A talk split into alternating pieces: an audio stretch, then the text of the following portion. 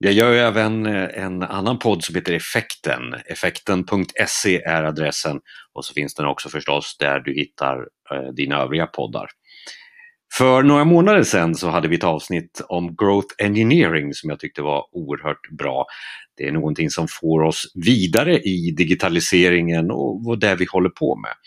Jag tänkte att vi skulle bara ta ett kort intro till det här eh, avsnittet här, runt tre minuter om det bara. Men sen så hittar du det alltså där på effekten.se. Eh, det är jag och Elia Mörling som pratar.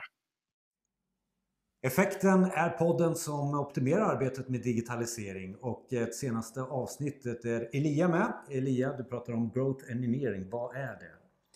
Det är en metod som man kan använda om man vill växa sin tjänst eller sin produkt på ett vetenskapligt sätt och inte bara dribbla runt och testa olika saker eh, för sakens skull utan faktiskt fokusera på att åstadkomma effekt. Och I avsnittet så pratar vi väldigt mycket om att det här känns så modernt och går det här att applicera överallt? Eh, så vad har du för exempel här där, där det verkligen har fungerat med Growth Engineering? Alltså det går att applicera både på business to business och business to consumer och fysiska produkter och tjänster men även digitala. Eh, det egentligen bygger på ett tankesätt och eh, principer kring hur man ska göra för att växa som går att applicera på det mesta. Eh, men ett bra exempel ehm, är Lululemon som vi pratar om i podden som är ett klädmärke som jobbar väldigt duktigt på att attrahera folk till sina butiker där de erbjuder yoga genom att duka undan alla kläderna i butiken så att folk kan praktisera yoga på morgonen på väg till jobbet. Och sen så hur de jobbar då systematiskt med att få människor att komma tillbaka, prata positivt om varumärket men såklart också köpa kläder i förlängningen.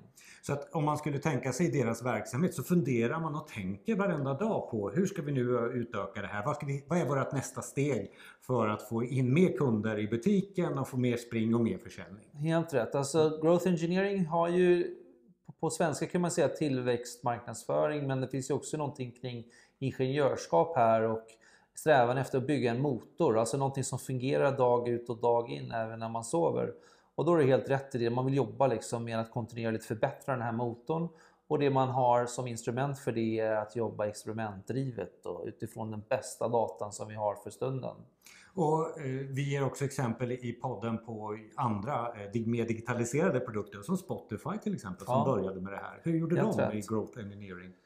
De var väldigt duktiga när de lanserade på det sättet att enda sättet att få tag på tjänsten och komma igång med den var att man fick en kod som man fick utav någon annan som hade en kod så att säga. Så att de var duktiga på just det här att aktivera folk i att sprida tjänsten sinsemellan med mun-till-mun-metoden. Mm. Och det, återigen, det, det, var den dagen eller den månaden och sen så byggde de vidare på andra idéer. Exakt, det ser mm. inte ut så exakt idag. Utan idag får de ju använda andra typer av metoder, kanaler och budskap och så vidare. Så att det tar ju aldrig riktigt slut egentligen.